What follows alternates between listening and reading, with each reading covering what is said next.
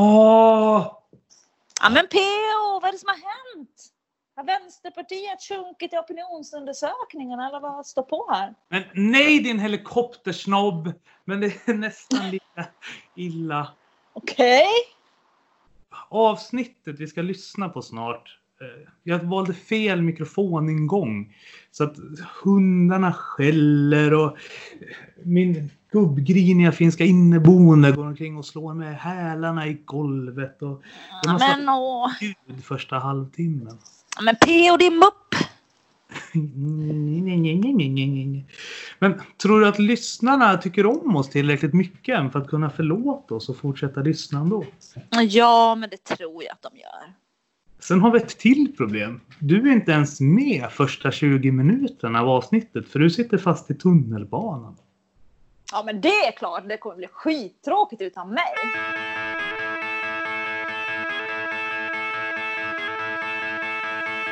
Varmt välkomna till Kristna Datingpodden.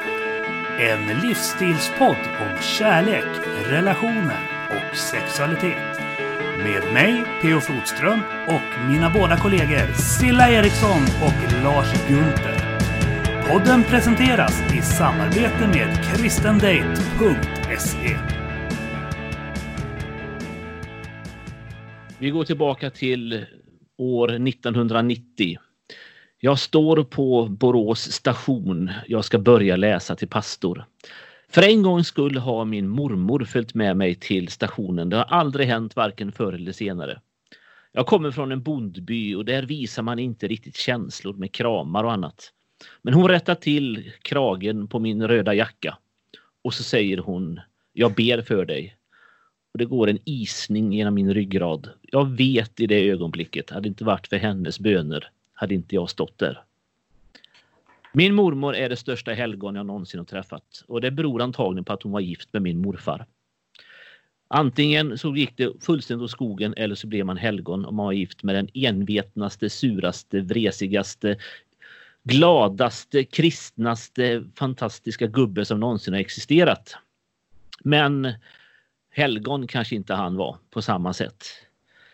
Någonstans så har kvinnor fått rollen av helgon ganska så många gånger och kanske har de fått det alldeles i onödande för att mm, vänta lite, vi män har nog inte betett oss som vi borde och vi har skapat maktstrukturer som vi inte borde. Och det där kanske syns ända ut i våra sätt att dejta. Om detta ska vi prata idag och med oss har vi Sara och Katarina från Jesus Feministpodden. Och det ska bli oerhört kul att höra vad de har att säga om eh, vad det här innebär för datingkultur i frikyrkan och andra kyrkor också naturligtvis. Men allra först Pio, du har haft en teologhelg. Vad var det för någonting och vad gjorde ni då? Ja, du var inbjuden Lars, men du hade ju inte tid. Eh, utan eh, vi fick lov att byta ut dig mot eh, P.O. Byrskog istället. Men ja, det är nedköpt kanske, men eh, nej, det, det var nog en väldigt bra ersättning. Vi diskuterade ju det, huruvida vem som outranks vem. Men som han är biskop, men du kommer sitta i kyrkostyrelsen för Equmeniakyrkan snart. Och han visste inte riktigt själv vem av er som var högst i rang längre. Ja, Men teologhelg, en till två gånger per år så samlar jag lite vänner från eh, Örebro teologiska högskola och eh, ja, men så här, pastorer och teologer jag känner. Och så har vi en härlig helg tillsammans där vi badar, grillar, tar någon öl och diskuterar kring olika teologiska ämnen. Lite, ja vad ska man kalla det för? En liten folkbildningshelg så. Så att eh, vi hade väldigt trevligt. Vi hade två debatter till Fennis kultursällskap där vi diskuterade bland annat eh, jag brukar kalla för eh, svåra Paulustexter med fokus på relationerna mellan män och kvinnor. Och vi spelade även in två avsnitt till Kristna Datingpodden. Ett som där vi försökte sammanfatta debatten i tidningen Dagen som Silla startade här för en och en halv vecka sedan.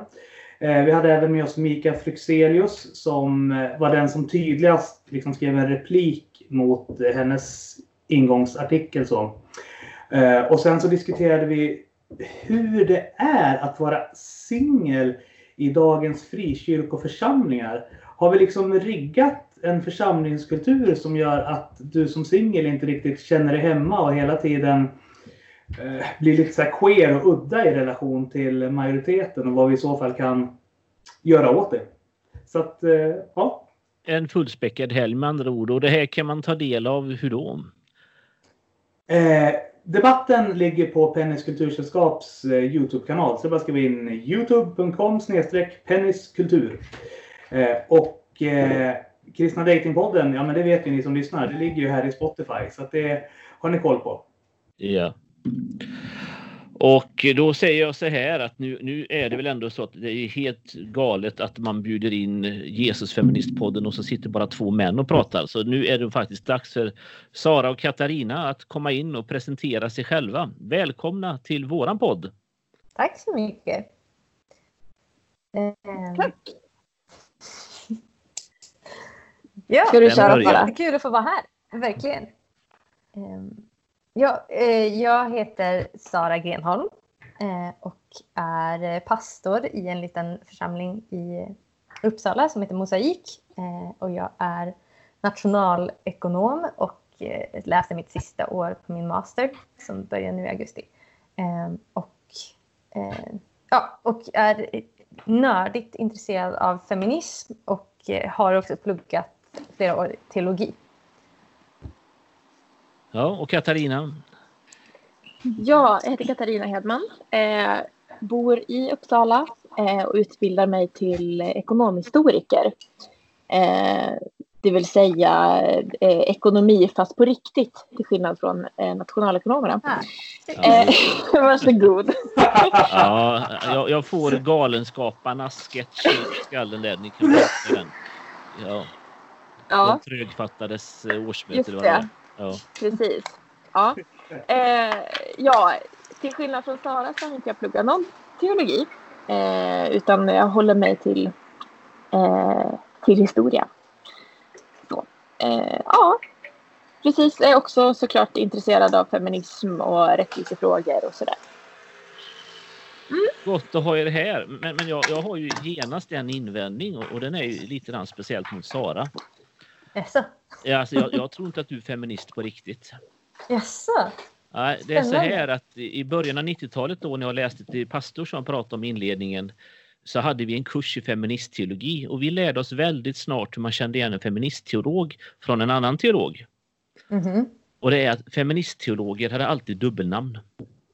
Ah, Men du Men det har du ju, bara. Grenholm. jag, jag, har ett eller jag har två mellannamn som är dubbelnamn. Jag heter Okej. Anna-Maria i mellannamn. Så jag kanske kvalar in ändå. Nej, enligt, enligt den kriteriet vi hade där så hade du inte gjort det. Då skulle du behållit ditt efternamn också. Alternativt så skulle mannen bytt sitt namn. Det, det funkar också på feministteologerna. Ja, nej, nej, men det... Jag kände att min självbild krossades helt och hållet nu, Lars. Aj, aj, aj. Ja, Jag som trodde att jag var feministteolog. Men i ärlighetens namn så har inte jag läst någon strikt feministteologisk kurs överhuvudtaget. Eh, utan det, det är bara jag som har här då på, kanske. Ja, Ja. jag har ju mer snöat in på, på systematisk teologi och bibelteologi. Ja. ja, det var ju min fördom där som du grusade med en gång. Har du några Ja. fördomar, Pio, mot feministteologi eller feminister i allmänhet? Alltså, jag är ju vänsterpartist så att halva mitt partiprogram utgår ju någonstans från könsrollernas befrielse. Så det blir så svårt att sitta och ha fördomar mot mig själv. Så, eftersom, eh, men eh, radikalfeminism har jag fördomar mot däremot. Eh, det är en helt annan gren av feminismen än den som Vänsterpartiet vilar på. Och då kanske vi ska förklara lite grann här apropå eh, att ni bara hör mig och Pio nu. Jag glömde säga en sak. Eh, Och det är ju att vår tredje deltagare här, Silla, hon har fastnat i Stockholmstrafiken. Tunnelbanorna går inte riktigt som den ska. Så hon kanske dyker upp i samtalet om en stund, men just nu är hon inte här. Jo, men jag är här. Jag gled Är precis in, Åh, förstår. Välkommen. Ja, det är så Vilken att jag jag har åkt tunnelbana idag och det händer väldigt, väldigt sällan ska ni veta att jag åker tunnelbana. Jag går i vanliga fall mellan Stureplan och Karlaplan, men idag så skulle jag åka tunnelbana för att jag skulle lite söder om stan. Och då fastnade jag i Kärmabrink. Så att jag fick i princip gå hem sen från Söder. Så därför så har jag blivit lite sen här nu. Men fått Så jag är ett jätteledsen. antal steg på stegräknaren. Precis. Ja. Så nu är jag äntligen hemma här i alla fall. Ja. Och vi har precis fått en presentation av Sara och Katarina och så har vi funderat över vilka fördomar vi har om feminism i allmänhet och Pio sa att han hade lite fördomar om radikalfeminism.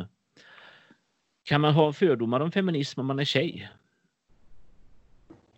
Har du någon Silla? Jaha, pratar du med mig nu? Ja. Det är så galet när vi är så många. Så. Um, jo, nej, men alltså, när jag var 20 så var jag ganska mycket feminist. Skulle jag säga. Då var jag väldigt så här, ja, men män och kvinnor är exakt lika. Det finns inga skillnader, det finns bara olika personlighet. Så var jag väldigt mycket när jag var 20. Och då såg jag mig väldigt mycket som feminist.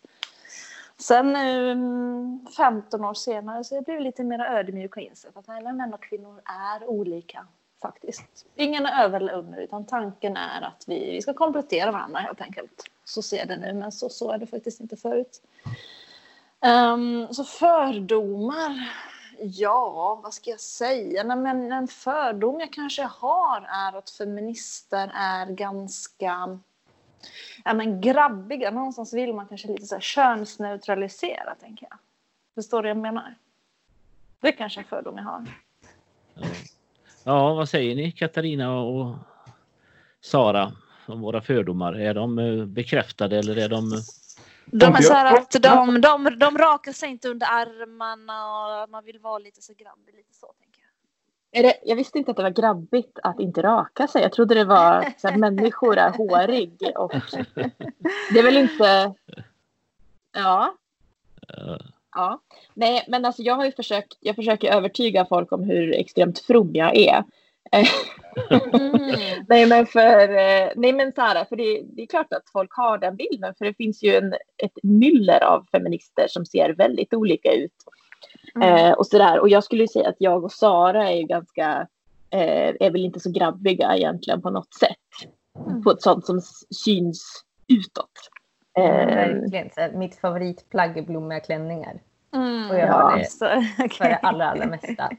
Eh, och jag vet inte hur feministiskt det är. Och sen så här, vill man se en annan radikalfeminist så kan man ju googla på Kajsa Ekis Ekman. Hon ja. stämmer ju inte alls in på de fördomar om en mm. så här, manshaftig eh, radikalfeminist. Så, mm. ja. Men, men någonstans... Men det... Ja, fortsätt. Ja, nej men där tänker jag att, att um, såna, de här fördomarna sätter ju lite fingret på just det här problemet med eh, att, att femin, det, det, blir, det är lite det här som är idag, dagens samhälle, att man ska liksom vara någon sorts personligt varumärke hela tiden. Eh, och mm. att det som jag, de ideologierna som jag skriver under på är jag på något sätt en representant och en reklampelare för. Det betyder det då att, att jag har med feminister, de ser ut på det här sättet och, och då har man liksom missat lite grann vad poängen är.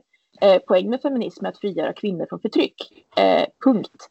Eh, och sen om man gör det i för klänning eller vad, vad, man, hur man nu gör det är ganska ointressant.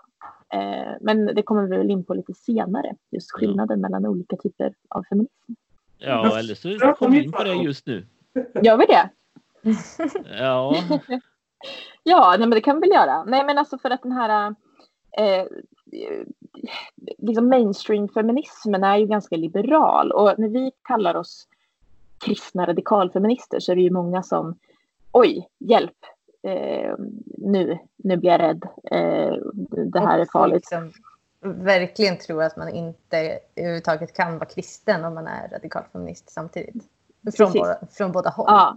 Eh, och för mig så jag alltså var ju långt, eller långt över 20, jag var en bit över 20 innan jag liksom började kalla mig feminist. Och det var just för att den här mainstream-feminismen faktiskt inte är någonting som jag skulle vilja kalla mig. Eh, då den, den mer liberala feminismen, för den är väldigt eh, vad ska man säga, den är otroligt individfokuserad eh, och den, eh, den har en väldigt, väldigt grundanalys när det gäller strukturer. Eh, och man, eh, det blir ofta liksom det här att, att man, eh, man sätter ett likhetstecken mellan det som individen känner är empowering eh, och feminism. Och då, då blir det plötsligt att man, att man fastnar i sådana här frågor. Bara, ah, men är feministiskt att raka sig eller inte raka sig? Och bara, det är alltså, så totalt ointressant om det är feministiskt eller ej. Eh, Alltså om man ska vara krass.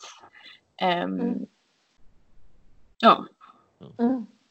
Ja, jag Sara. hoppas att vi kanske sen- har lugnat någon lyssnare här som ser ordet feminism som ett rött skynke men eh, Mm. eh, det finns en del som det är kanske omöjligt för. Jag har ju en fundering då angående det här med fördomar som jag har mot radikalfeminister i relation till genusfeminister.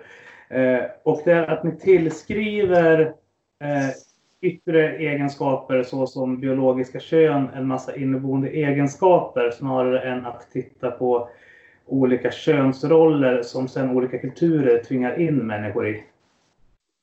Oj, vad intressant. Att radikalfeminist Eh, det gör det. Radikalfeminismen. Jag kan bygga på att Är du säker?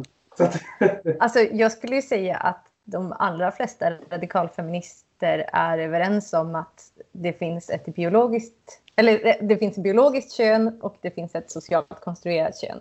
Eh, och att gränserna mellan de två vet man inte var de går för att det är olagligt att göra experiment där man kan ta reda på var gränserna går. Precis, så när det kommer till hjärnan Ja. och Eh. personlighet.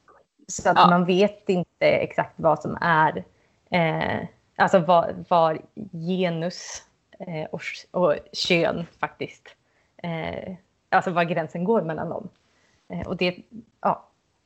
Eh, så jag, jag skulle ju inte alls säga att radikalfeminister är de som säger att, att eh, så här, det biologiska könet kommer med, ett, alltså med ett, vad vi kulturellt eh, ser som könsroller. Nej, alltså det är ju lite det här, jag såg en jättebra, jättepedagogisk bild på Instagram. Ehm, där liksom konservativa människor, de ser, liksom, om man ska prata genus, att här har vi liksom kvinnolådan, här har vi manslådan, varsågod och sitt. Eh, I respektive låda då. Du kan inte hoppa mellan lådorna, du kan inte ta det, du kan inte köpa blå rakhyvel om du är kvinna, det går inte. Um, Medans med en mer liberal approach till genus är mer Eh, men här, det finns jätte... Välj vilken låda du vill sitta i. Vi, vi bygger nya lådor. Här finns det en låda för du, dig som eh, gillar det här och så där borta finns en till låda. Och vi kan blanda och mixa de här lådorna och göra nya lådor. Hur många lådor som helst. Eh, Medan radikal, en feministisk radikalfeministisk tillnärmning mer är, men varför ska vi ha lådor? Alltså vi är människor allihop och vi väljer att uttrycka oss på olika sätt. Eh, och de här, alla de här lådorna, oavsett om det finns tusen lådor, så är det eh, vad ska man säga, restricting eh, för människor. För då blir det liksom att man måste anta liksom ett sorts kit kring vem man är hela tiden. Och det, det tycker jag är så förminskande av eh, människors, liksom, vilka vi är bara som personer. Och ska vi Ehm. vända det här till våra lyssnare då så säger jag sätt nu inte Sara och Katarina i en låda feminism med stort F utan eh, det ni ska göra idag kanske man får ge det här tipset så direkt. Lyssna till vad de här två kloka tjejerna har att säga utan säga, att tänka för mycket på deras säga, feministiska etikett om den stör dig. Det var ju snällt. Ja. Snällt sagt. Men, Ja. men, men det, det jag tolkar då det är att ni eh, också då eh, inte ser att eller så här, inte ser att kvinnor och män är på ett visst sätt på gruppnivå så, utan att ni också vill se mer generösa könsroller. Eh, Alltså snarare att eh, vi ser att kvinnor och män på, eh, alltså på strukturell nivå beter sig på olika sätt. Men frågan är vad det är som har skapat de skillnaderna. Är det Precis. förväntningar? Är det, eh, ja, men, är det biologiskt? Eller är det...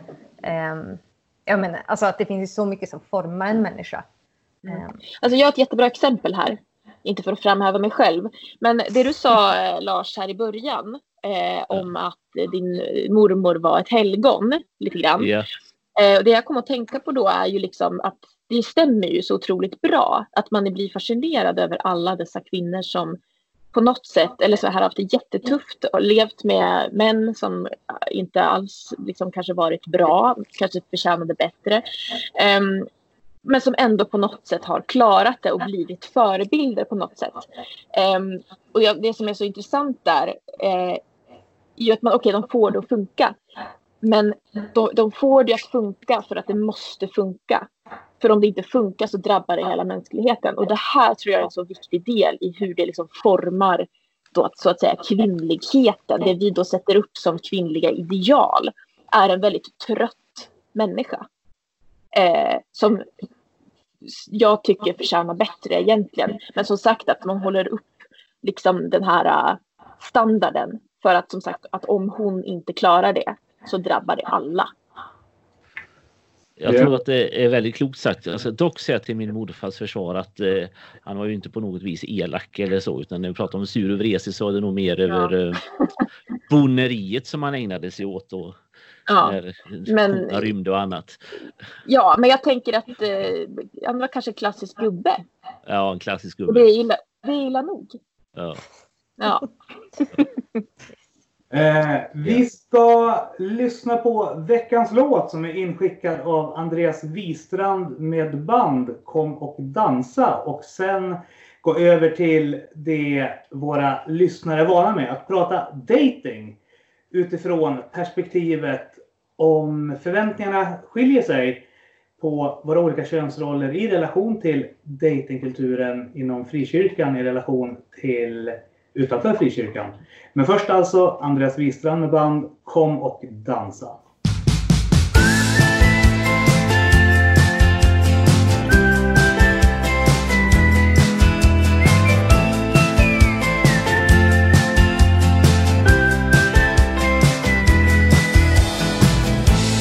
Jag har sett dig där nere I landet där de osäkra bor har vandrat en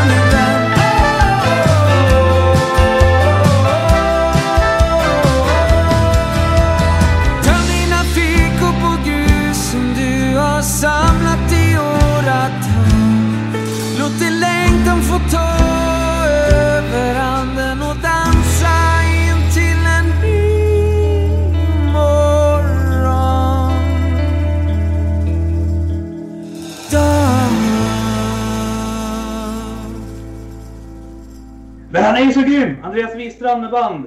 det som skulle ha varit som, de kristna sommarkonferensernas sommarplåga ifall de hade blivit av. Den här hade ekat mellan husvagnarna i Nyhem, på Torp, på Gullbranna, på Lappis. Men nu får ni lyssna på dem här istället i Kristna Datingpodden. Andreas Wistrand med band Kom och dansa. Men eh, Silla, du brukar ju säga att du ofta blir mycket bättre behandlad av killar utanför kyrkan än i kyrkan. Och jag tänkte att vi kanske skulle Ja, brottas med det ämnet nu när vi har eh, Sara och Katarina med. ja, precis. Jag vet inte riktigt var jag ska börja. För det första så, som ni kanske vet, är ju inte jag uppvuxen i kyrkan. Så jag har ju lite annan ingång kanske här än vad ni som har vuxit upp i kyrkan har. Men eh, jag kan ju känna för det första sådär när man kommer in i kyrkan, man, det, man har ju vissa förväntningar på något vis på sig som tjej tycker jag. Och jag tycker inte att jag passar in i den här liksom frikyrkliga mallen för hur en liksom frikyrkotjej ska vara. Liksom. Jag är totalt opposite på alla sätt. Men hur ska en frikyrkotjej vara? Ja, men det var ju som jag sa i något avsnitt här. Liksom. Det känns som att en frikyrkotjej ska vara lite så här lugn och söt och sitta i ett hörn och se gullig ut. Liksom. Ja, jag, jag sa ju, när var det i förra avsnittet vi pratade om det så sa jag så att jag hade haft mycket lättare, jag hade varit mycket hetare på den kristna marknaden om jag typ så här hade varit förskolefröken och eh, bott i en liten eh, hyresrätt i andra hand ute i Akalla och haft som största intressen att spela sällskapsspel med mina grannar på helgen. Då hade inte jag varit singel. Tror mig. Jag, Men jag är beredd att hålla med. Ja, men plus också att, att du är med och sjunger eh, Ja, lovsångsbandet. exakt. Precis. Eller- det, det, det, Eller ja, leder barnens eh, lovsångsdansgrupp. Mm, Exakt, fritiden. jag håller med dig. Ja, exakt, Mm. precis. Då hade, då hade jag inte varit singel. Absolut. Nej, men Mm. så här va. Jag tror att um, alltså jag behöver ju en man som kan ta för sig lite, som har lite kind på näsan. Alltså jag vill ju liksom bli... Jag vill ha en gentleman som kan ta mig på rätt sätt. Jag tycker liksom att män i kyrkan, de är lite för... Vad ska jag säga? De är lite för- Personlighetslösa personlighetslösa, lite för blyga, lite för liksom osäkra, lite för tråkiga helt enkelt. Kanske de helt enkelt är den manliga varianten av den här eh, frikyrkotjejen som du precis beskrev. Kan det vara så? Kanske det. Sen Ja. tycker jag så här också, det är ju män som är skilda liksom, de är mycket roligare än de här singelmännen som är 40 som aldrig haft en seriös relation. Jag, vill, jag, vill, jag kommer provocera ni, jag vet när ni lyssnar här kära singelmän som är 40. Jag menar inget illa på något sätt, men det finns en anledning till att ni är singlar. Alltså, jag vet att jag trampar förmodligen någon på tårna när jag säger det, men det är lite så. De här som är skilda och har barn, de är ändå liksom, de har fått till det. Man märker att de har ju en helt annan personlighet. Liksom. De har ju någonstans ändå det här tryggheten i sig själv, de har vanan, de kan ta en kvinna på rätt sätt. För de har gjort det. Liksom. Um, men för, för, för mig, jag ska ta ett konkret case här nu så att ni förstår lite hur jag menar. I höstas så träffade jag en kille. Han var inte kristen, jag träffade honom på Tinder. Han behandlade mig jättebra. Vi var, körde den här första dejten uppe på hans kontor på Stureplan. Eh, lunchdate. Och det gick jättebra så att vi bestämde oss för att vi skulle ses igen. Så nästa dejt så blev på en fin restaurang här. Och eh, på första dejten så hade han noterat att jag hade en sprucken skärm på min iPhone. Så det första han gör när vi sätter oss ner och ska käka middag det är att han frågar Silla, kan jag få din telefon? Och jag blir liksom lite konfronterad. Jag bara, eh, vad ska du med den till liksom? Men han får min telefon och så tar han den och så säger han så här, Silla nu ska jag hela din telefon. Jag blir bara så här, nej men snälla det är bara Gud som kan hela. Så han tar min telefon och sätter en servett över liksom mobil. mobilen, har den i handen så där så bara simsalabim. Och så tar han bort den här servetten. Och så är telefonen helt hel. Och jag bara blir så här, what? Vad var det som hände liksom? Det här är en sprillans ny mobil. Alltså jag kände mig så dum liksom. Jag bara fattade verkligen inte hur det hade hänt. Så då hade han i alla fall köpt en ny mobil till mig. på dejten liksom. Och så Oj. himla gulligt. Jag blev liksom, men alltså, såna här liksom grejer. Alltså. Det hade aldrig en kristen kille gjort. Köpte nyträffad Nej. tjej på så fin middag liksom. Alltså det hade aldrig hänt, tro mig. Nej. Alltså jag gillar ju den här liksom, män kan ta ut liksom, svängarna, överraska och ta hand om och vara lite gentleman. Liksom. Jag gillar det. Jag ska vara helt ärlig och säga att jag charmas av det. Jag gör det. Sen menar inte jag liksom, att man måste köpa dyra presenter på andra dejten. Det är inte det liksom. Men ni förstår lite vad jag menar ändå. Mm. Mm. Ja, men för jag tänker att det finns ju liksom en väldig ängslighet kring relationer i kyrkan. Att det ska vara, Mm. när, när det, det ska vara, eller det, det finns så mycket förväntningar liksom, i Ja. sammanhanget och det finns så mycket, man satsar så mycket när det väl Mm. är. Och då är det väldigt svårt, då får man liksom inte öva sig på Mm. att faktiskt umgås och hur, eh, ja men bara ha helt vanliga relationer med det motsatta könet. Alltså det, Mm. eh, men så otroligt dåligt, dåligt tränad för att det är liksom, ja om man ska, om man ska gå och ta en kaffe med någon, bara, då är man ju nästan Mm. förlovad. Ja, men alltså, det är lite den attityden. Eh, vilket ju gör att, att man får inte tillfälle att träna och öva och liksom, liksom öva på sin sociala kompetens helt enkelt. Mm. Och det är ju en, Mm. en enorm förlust, inte bara liksom på, när det kommer till dating utan ens liv liksom, Mm. generellt. Ja, jag tror liksom att man tar ju det med dating på allt för stort allvar också. Jag tror liksom man behöver som allt annat så behöver man ju träna, man behöver dejta lite olika och gå ut och träffa människor och ni vet. Men man tar det på så otroligt blodigt allvar i kyrkan det här med att träffas och dejta och sådär. Jag tror vi behöver ha en mer Mm. avslappnad inställning till allting. Att det är okej liksom. Ja, men det är men inte för riktigt det idag. Nej, men för det jag tänker att det finns ju ändå någonting, också någonting gott i det här att man ändå vill, man vill inte, eh, eller så att man vill beskydda sig själv lite grann, man vill beskydda andra, att det finns ändå någonting gott Mm. i det här att, att man inte liksom, eh, det, nu är, det här gäller ju inte alla såklart, men att det finns ändå någon sorts grundtanke att man ska vara snäll typ. Mm. Det är jättebra, det tycker jag inte man Mm. sluta med. Mm. Ehm, men att man måste ju kunna balansera det med att faktiskt också våga lite. Mm. Absolut. Eh, så jag tycker inte att man ska göra det att det ska inte betyda någonting. Men man måste Mm. kunna ha två saker i huvudet samtidigt. Mm. Absolut. Mm. Ja, men verkligen. Och jag tänker också, eh, jag tror att mycket av, av det här eh, beteendet hos kristna killar, eh, att, de, att de tar så lite initiativ, att de kan upplevas som väldigt personlighetslösa och att typ, bara de är snälla så är allting lugnt. Jag tror Mm. att mycket av det kan förklaras av att vi har ett överskott på kvinnor i kyrkan.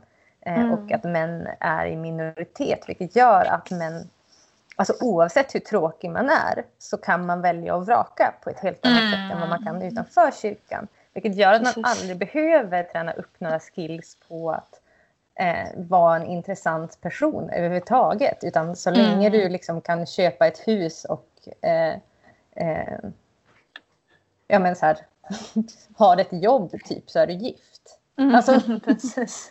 Eh, och att då, ja, men jag tror att det, det uppmuntrar män eh, inom kyrkan att ja, men bli, väldigt, bli väldigt lata i att ja, men så här, utveckla sig själva. Mm.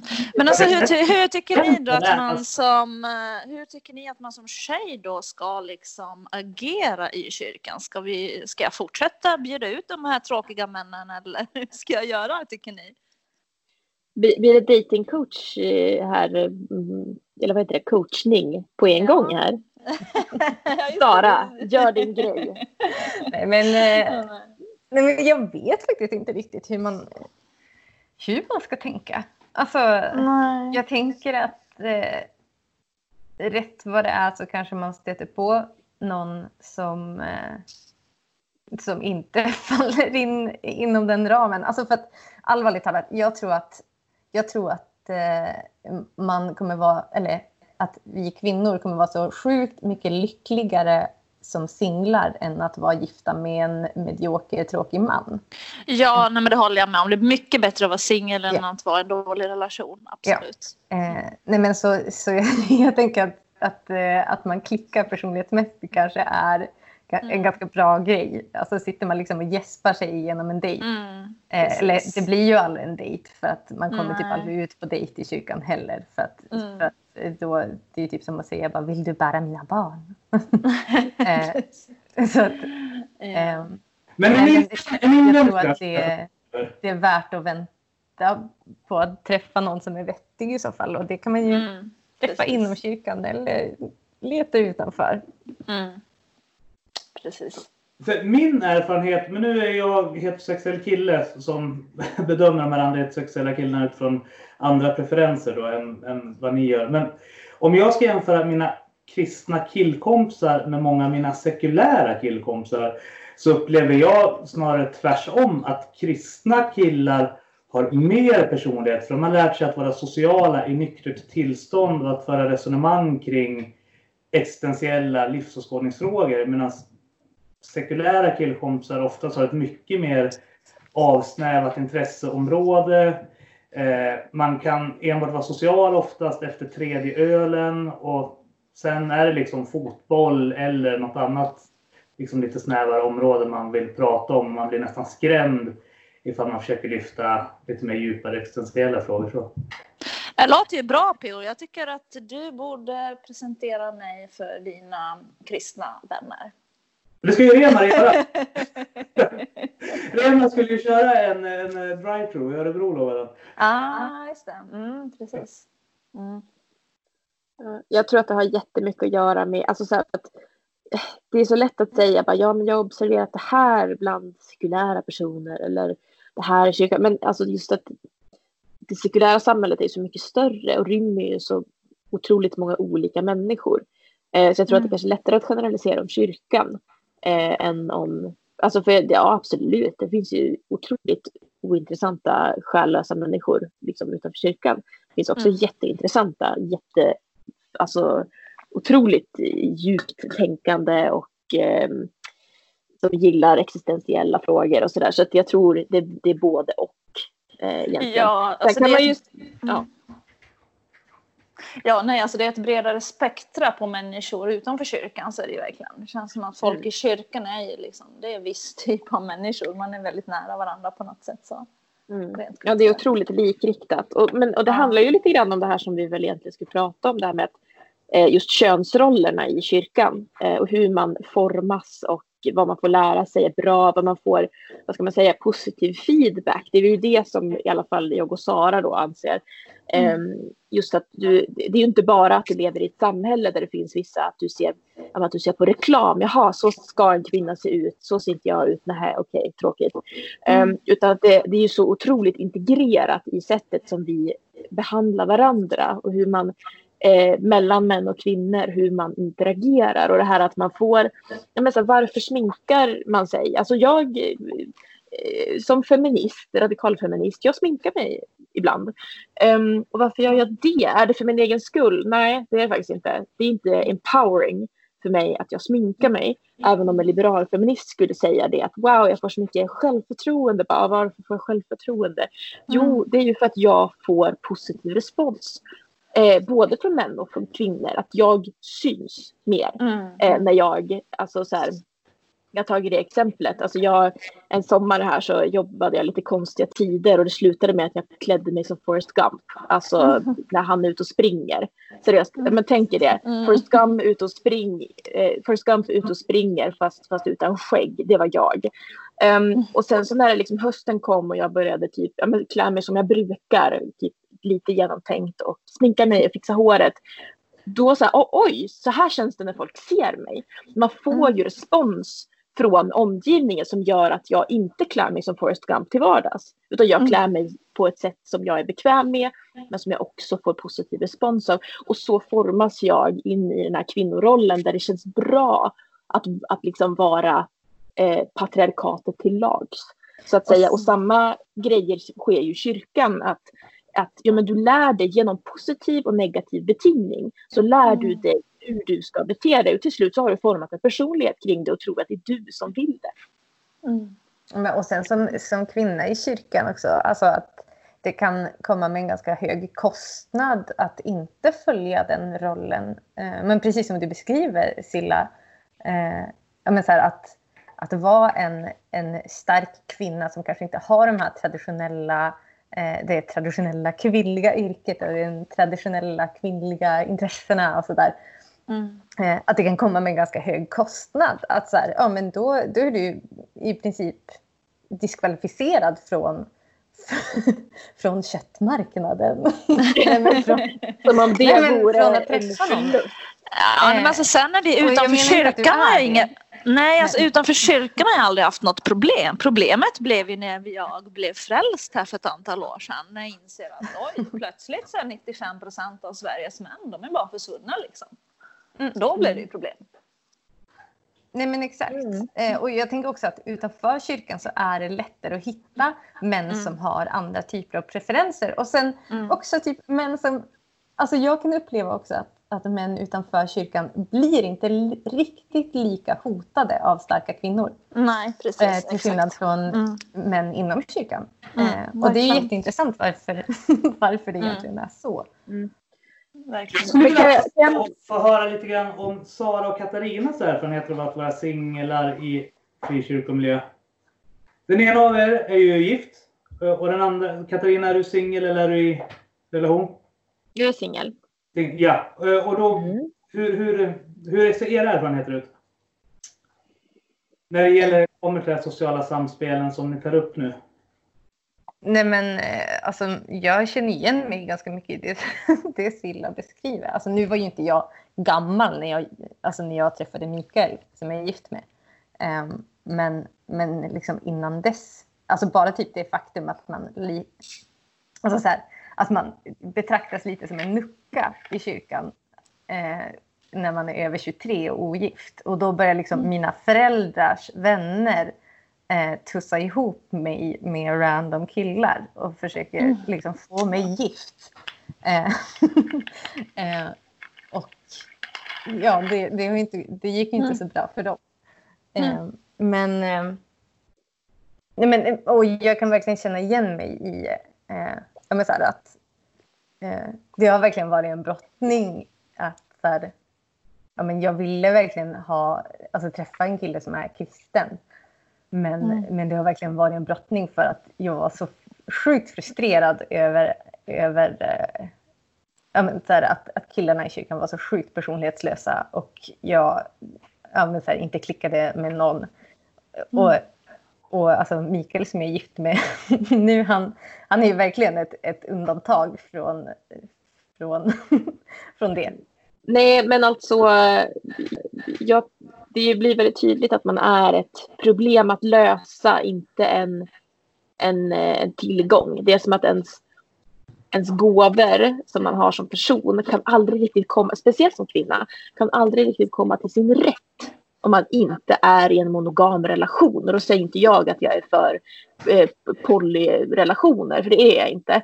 Men att, nej men alltså man, dels att man ska veta vart folk hör hemma och vilka de hör hemma med. För annars är man liksom inte riktigt trovärdig.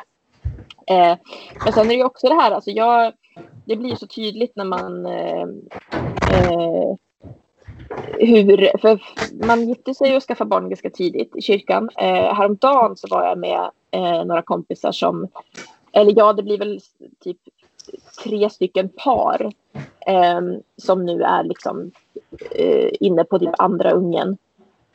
Och eh, det, det blir så tydligt att de, vi är lika gamla men de är i en så extremt annan fas i livet. Och, eh, och då, blir man, då blir man utanför. Alltså så här, det, och det vet, det vet jag att de såklart inte vill om de tänker efter. Eh, men, men det blir ju så eh, naturligt. För att de, man, man avviker från, från normen och inte bara att man har valt olika saker i livet eh, utan att man det, det blir så tydligt också att de är de gör allt det där som kyrkan värdesätter hos kvinnor. Om jag då kollar på mina tjejkompisar. Eh, att eh, att jag eller det är så fascinerande, jag läste någonting på, det finns en sida på Facebook som heter Esser Rising som är mycket intressant eh, om, eh, de kallar sig inte feminister fast det är de. Eh, de är amerikaner så de får vara lite mer försiktig.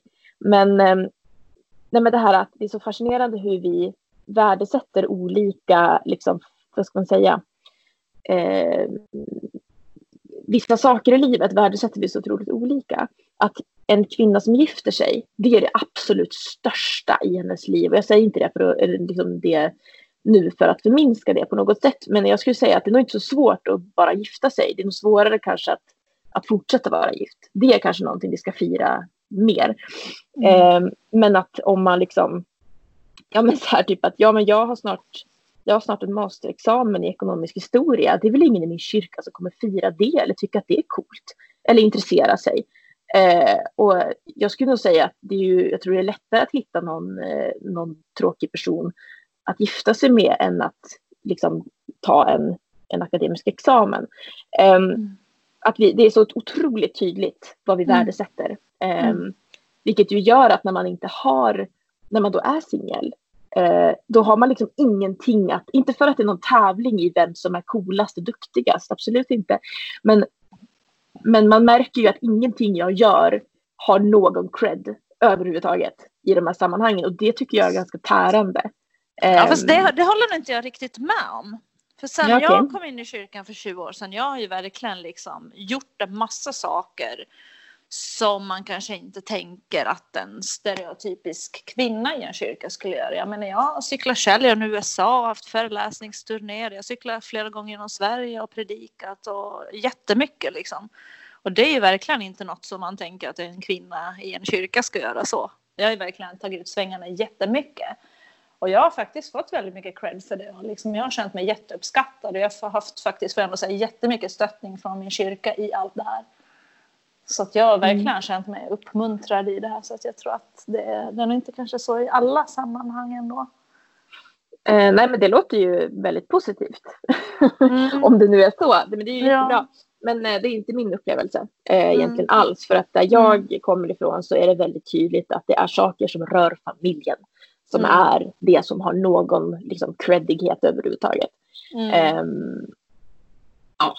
Men eh, ja, men det var, det var en väldigt lång eh, rant. Då, då Ehm, säger jag så här då, är, är det någon skillnad på stad och land här?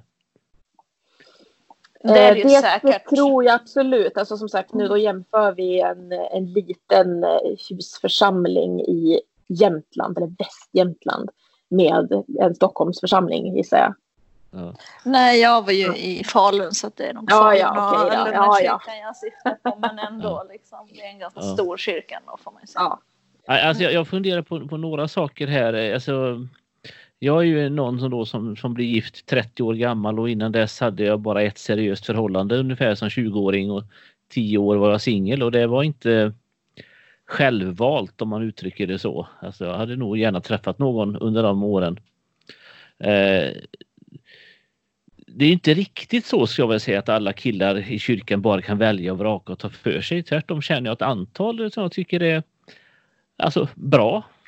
Men, eh, det är också män som blir över och som eh, inte hittar någon eller blir hittade eller hur man ska uttrycka det.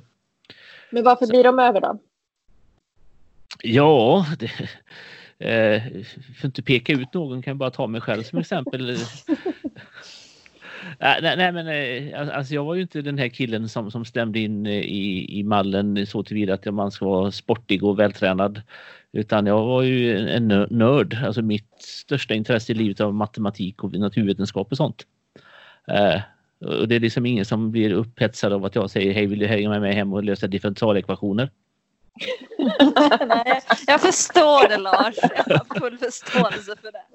Ja, men, men lite grann sådär. Jag kan rabbla upp USAs tio längsta floder. Hur många kan du? Eh, Heller ingen bra raggningsreplik. Ja, men jag tänker så här att om, om något sånt är negativt för män, hur negativt är det inte då för kvinnor? Mm. Det är liksom att, att man ju fortfarande bättre förutsättningar. Eh, Ja. För det är mer stereotypt snubbigt kanske. Eller så här att man, Ja. ja, ja. Men en Fast tjej det- som är så har ännu svårare. Det- Där, där finns det ju lite grann i alla fall en omvänd dynamik då. Alltså vi är väldigt många killar som är nördar och det är ganska få tjejer som är nördiga på samma sätt. Så i, inom nörd-Sverige så är ju liksom tjejerna i minoritet och har ganska lätt att hitta en kille. Ja, så kan det nog vara. Absolut, så är det ju. Men, Mm, så men det är nörd också- jag borde bli helt enkelt då. Då hade jag haft lättare för Det mig. kanske är så Silla. Jag får Ja. jobba på det. Det är inte riktigt. Redan, så du får, du får satsa in det där helt enkelt. Ska jag bli nörd nu också? Ja. Där, går, där går gränsen känner jag. Ja. Mm. Men nördar är också ganska känsliga för det är någon som, som bara liksom är, gör det för att passa in i gruppen eller för det är någon som, som är det på riktigt. Liksom. Vi har en bra radar för det. Mm. Ja, men, men jag tänker också så här att den stora skillnaden där eh, mellan eh, då din situation och kvinnors situation i kyrkan eh, på, på datingfronten. Eh, den stora skillnaden är ju att alltså även, låt säga att du skulle Ja, du skulle säga bara, åh, projekt ändra personlighet. Alltså nu vet jag inte hur långt man kan göra det. men, men rent hypotetiskt. Om du skulle ändra din, din personlighet till att bli mindre nördig och typ bli jättevältränad och simsalabim så, nej jag vet inte vad man skulle kunna göra. Men, men så tänker jag att då hade ju du haft väldigt, väldigt goda förutsättningar att träffa någon ganska snabbt. Till skillnad från kvinnor som gör allt för att, eh, ja, men så här, för att vara attraktiva, för att vara intressanta, för att vara roliga, för att visa hur mycket de tycker om familjekonceptet och så vidare. Eh, att de, ja, men så här, för dem så finns det inga ändå för att män är i minoritet. Helt enkelt. Eh, men det är ju klart att det finns, alltså det, det är klart att det finns män i kyrkan som blir eh, inte blir valda ändå. Eh, Men ja, alltså så här, min, min erfarenhet är att det finns långt, långt, långt, långt många fler, alltså helt fantastiska kvinnor eh, i kyrkan som inte är gifta eh, eller ens har haft ett seriöst förhållande på massor av år. Eh, att det finns långt, långt, långt många fler sådana kvinnor än det finns fantastiska män i kyrkan som inte är gifta. För de växer verkligen inte på träd. Nej, det håller jag definitivt med dig om. Och, och sen så, alltså jag kan också tycka att, att, eh, eh, ja men, att även, även de här killarna som kan vara ganska trevliga, eller så här som, som andra killar i församlingen, typ ja men han är ju superhärlig, alltså så här, upplevs som jättehärliga killar. Att så fort de handlar, hamnar i konversation med en tjej så blir de världens mest tillbakadragna, världens mest blyga, världens mest, mest så här, eh, ja, att då liksom tappar de all den här personligheten som de uppenbarligen har med sina killkompisar. Eh, vilket också är ett problem. Alltså jag tror att det finns väldigt mycket... Eh, ja, alltså att man kanske inte tränar så mycket i, i kyrkan att umgås på ett avslappnat sätt eh, över Mm. könsgränserna. Liksom. Men är det fortfarande så? Tycker ni mycket liksom att det är könsuppdelat så här? Det känns ju inte som att det är så ändå. Alltså Nej, det är men- mycket att man hänger tillsammans men det kanske ändå till viss del är så att män och kvinnor umgås på sitt håll i sina gäng. Jag tror Alltså, jag att det är tror- ganska mycket så. Alltså att det blir alltså, naturliga, naturliga uppdelningar. Att man har sina tjejkompisar i kyrkan eller killkompisar i kyrkan. Mm. Eh, Sen det fattar jag det för det är mycket trevligare att hänga med kvinnor generellt. Alltså så får att- jag bara, jag får är jag inte bara emot det. Får jag bara flika in med en grej här? Alltså jag, jag tror att jag har väldigt olika bakgrunder. För jag har växt upp i en värld med bara män runt mig i princip. Jag är uppvuxen med tre stycken brorsor. När jag var 15 flyttade jag hemifrån och bodde på internat i fyra år med 12 stycken killar. Sen så har det fortsatt så. Jag har liksom alltid haft en massa män runt mig. Jag har liksom aldrig haft tjejkompisar egentligen på det sättet. Um, sen när jag håller på med, haft väldigt grabbiga intressen och liksom tävlat i multisport och skidor och enduro och allt möjligt och mountainbike och sådär. Och så Men är det ju fortfarande, det är alltid, vad sa du? Eller får jag, får jag ge ett råd där då? Eller du kan få avsluta så kan jag komma med rådet sen. Ja, nej men alltså jag har ju alltid haft en massa män runt mig och jag trivs otroligt bra med män runt mig. Jag förstår hur män tänker, jag förstår hur män funkar. Kvinnor däremot, jag har jättesvårt för kvinnor. Um, jag kommer väldigt liksom, um, jag har ett otroligt stort förtroende för män också. Jag kan helt ärligt säga att om jag, alltså jag hade inte uppnått hälften av det jag har gjort i mitt liv om det inte vore för alla fantastiska män som jag haft runt mig, som har stöttat mig, som har lyft fram mig i olika sammanhang, som har stått vid min sida och kämpat för mig och trott på mig. Och jag är så otroligt tacksam för alla de här männen. Kvinnorna har liksom aldrig funnits där för mig på det sättet. Um, mm. Nej, men, så det jag tror kanske, om jag får eh, coacha dig lite. Eh, nej men alltså kanske du ska ta en, en paus helt. Eh, uppsök kvinnoseparatistiska miljöer istället.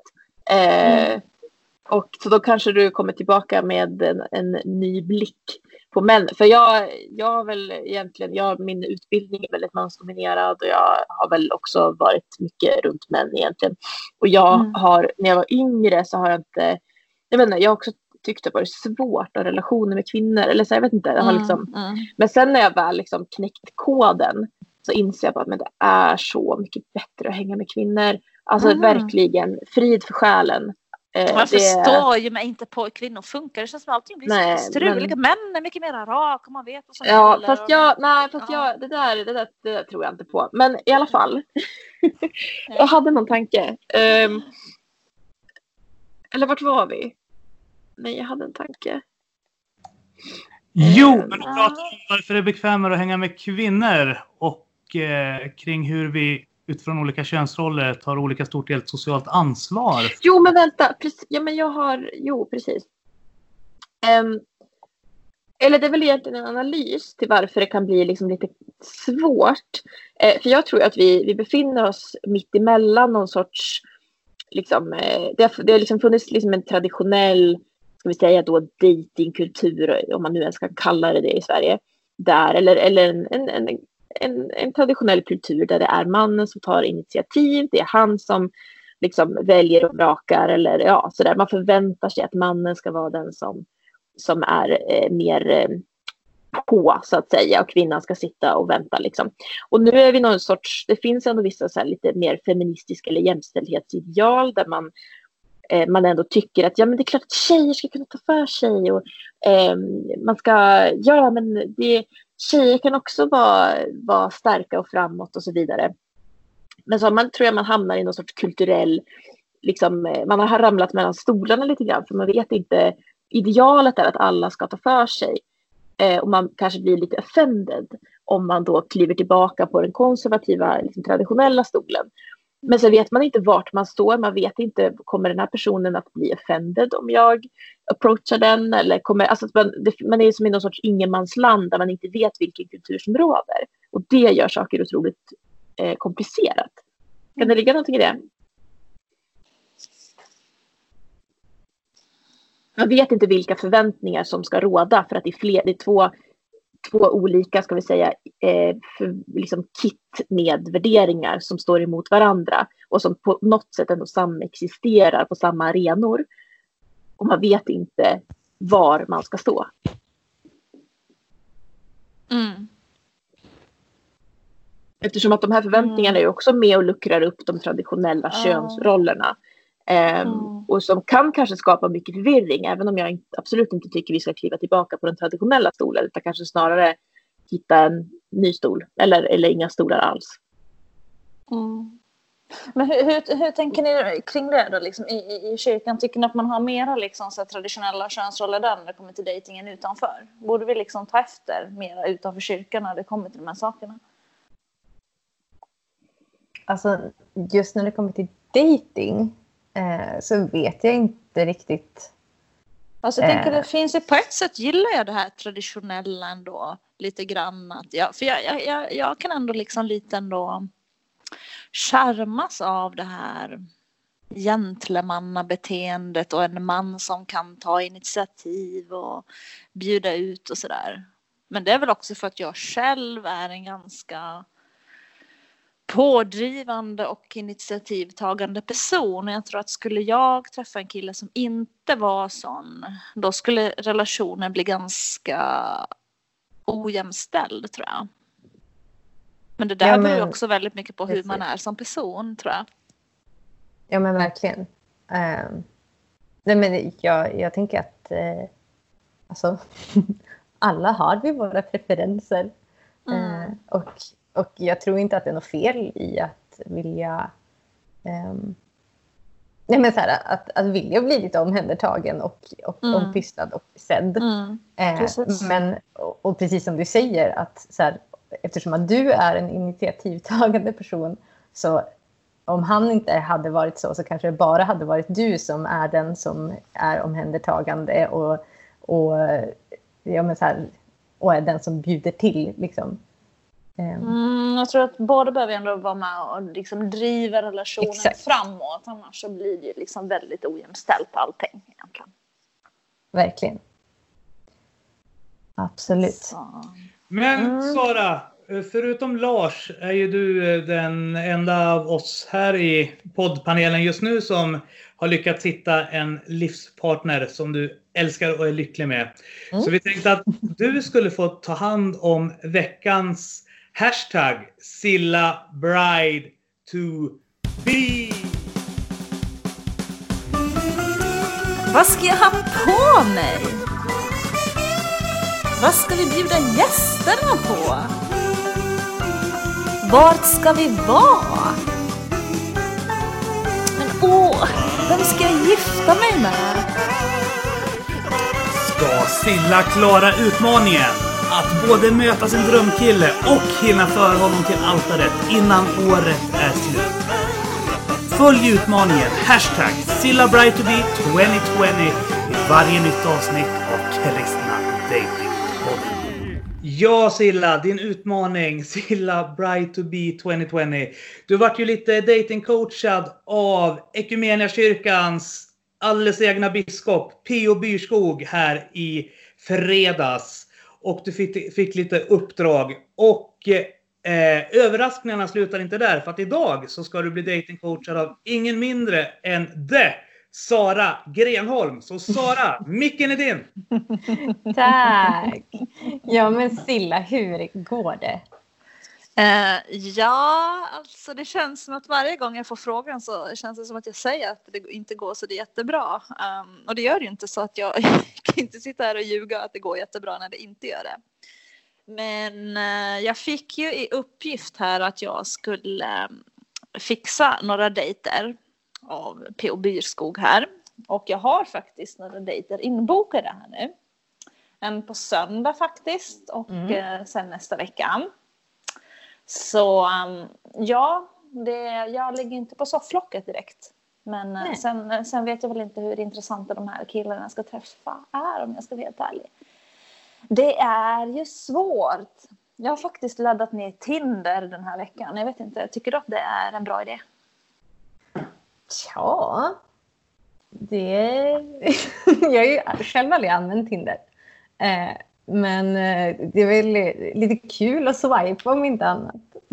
Ja, jag har ju liksom, jag har en väldigt så här, tydlig kristen approach. Jag har en sån bild Ja. på mig själv där. Det, det, den här bilden är faktiskt från när jag cyklade i USA när jag nådde gränsen till Mexiko. Så har jag en sån skylt där det står Thank you Jesus. Så den har, jag som presentation, den har jag som presentationsbild där. Och sen så är jag väldigt tydlig med att jag söker en kristen man. Så, ehm, så att jag, ehm, ja, det, men det känns kul. Det är ju väldigt stort och brett utbud får man ju säga på Tinder ändå. Kristen date är ju, det är så fruktansvärt tråkigt. Det är riktigt tråkigt. Du vet, det är bara så här frånskilda, tråkiga 45-åriga män som har barn. Eller så är det de här 40-åringarna som aldrig haft en relation. Det är liksom utbudet. Men sa du inte vill nyss att de här frånskilda var, var lite mer intressanta? Alltså jo, de, personlighetsmässigt? Jo, jo, personlighetsmässigt så är de mer intressant. Det är de absolut. Men sen liksom tänker jag så här, vill jag ha en frånskild 45-åring med tre barn? Vill jag ha det? Jag vet inte.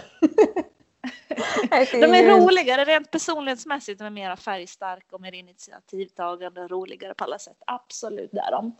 Men det är ju fortfarande det att de har barn och är skilda. Liksom. Jag är inte liksom...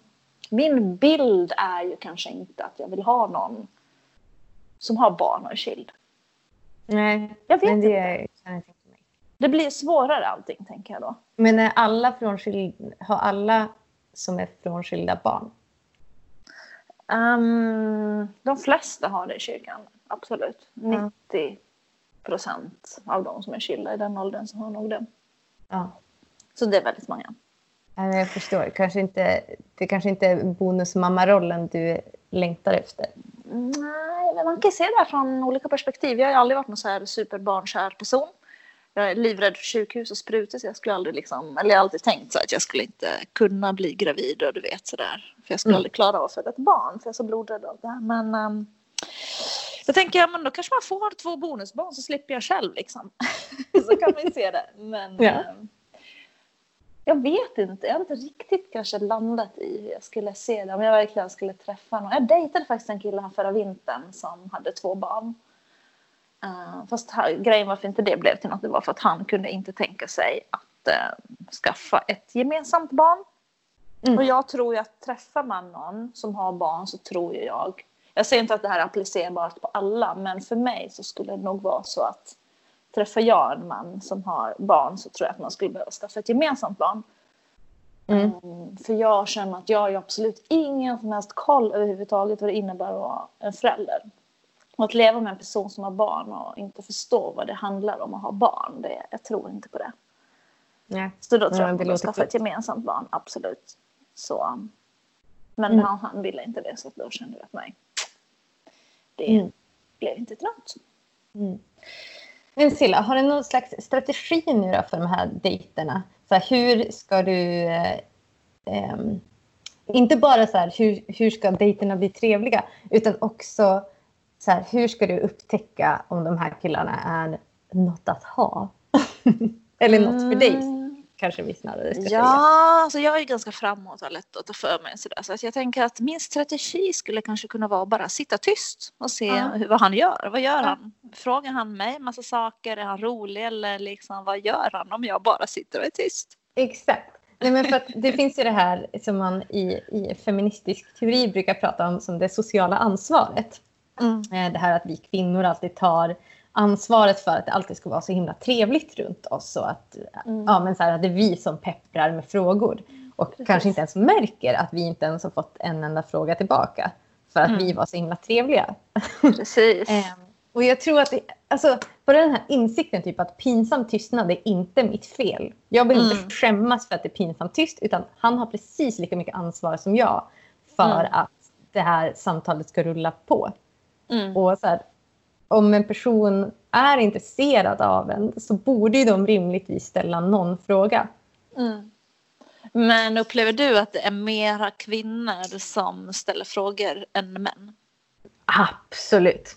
Verkligen.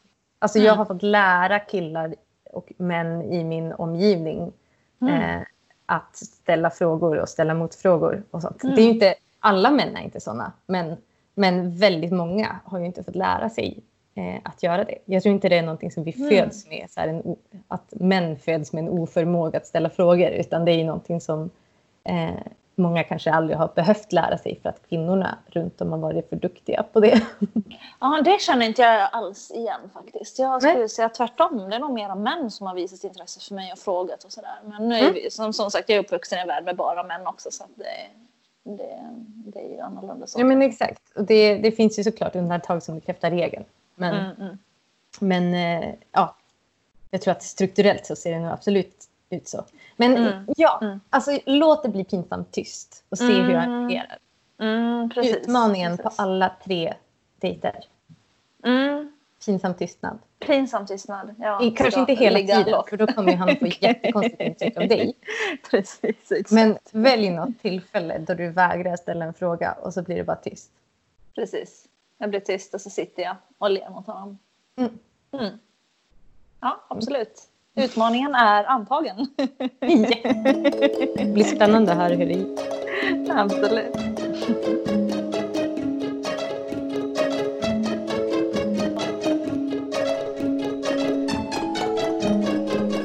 Allt som är trevligt har ett slut och så även dagens avsnitt.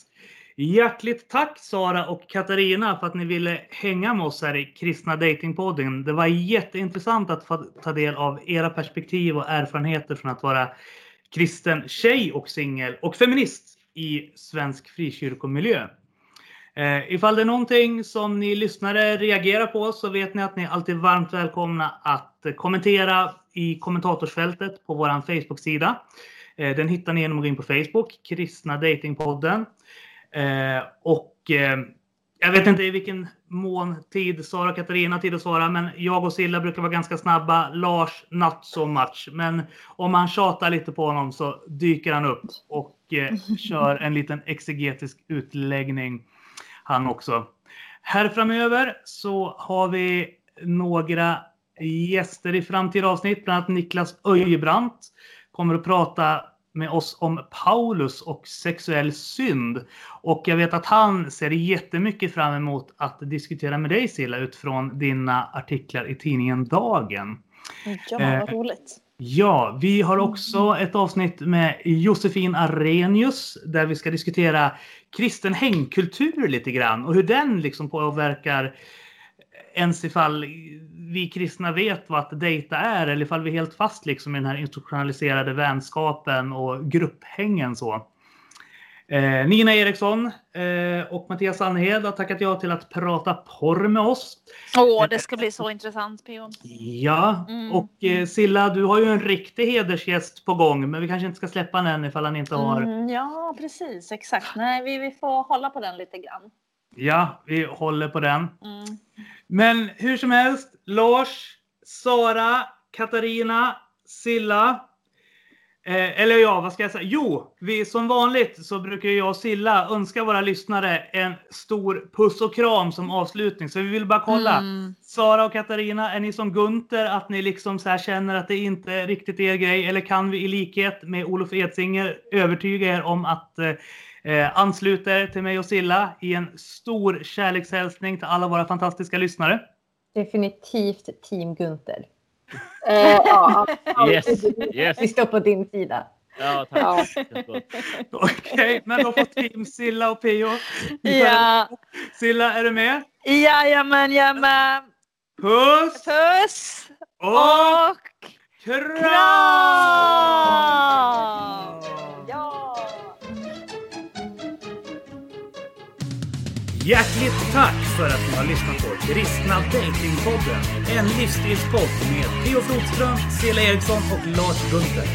I samarbete med kristendate.se.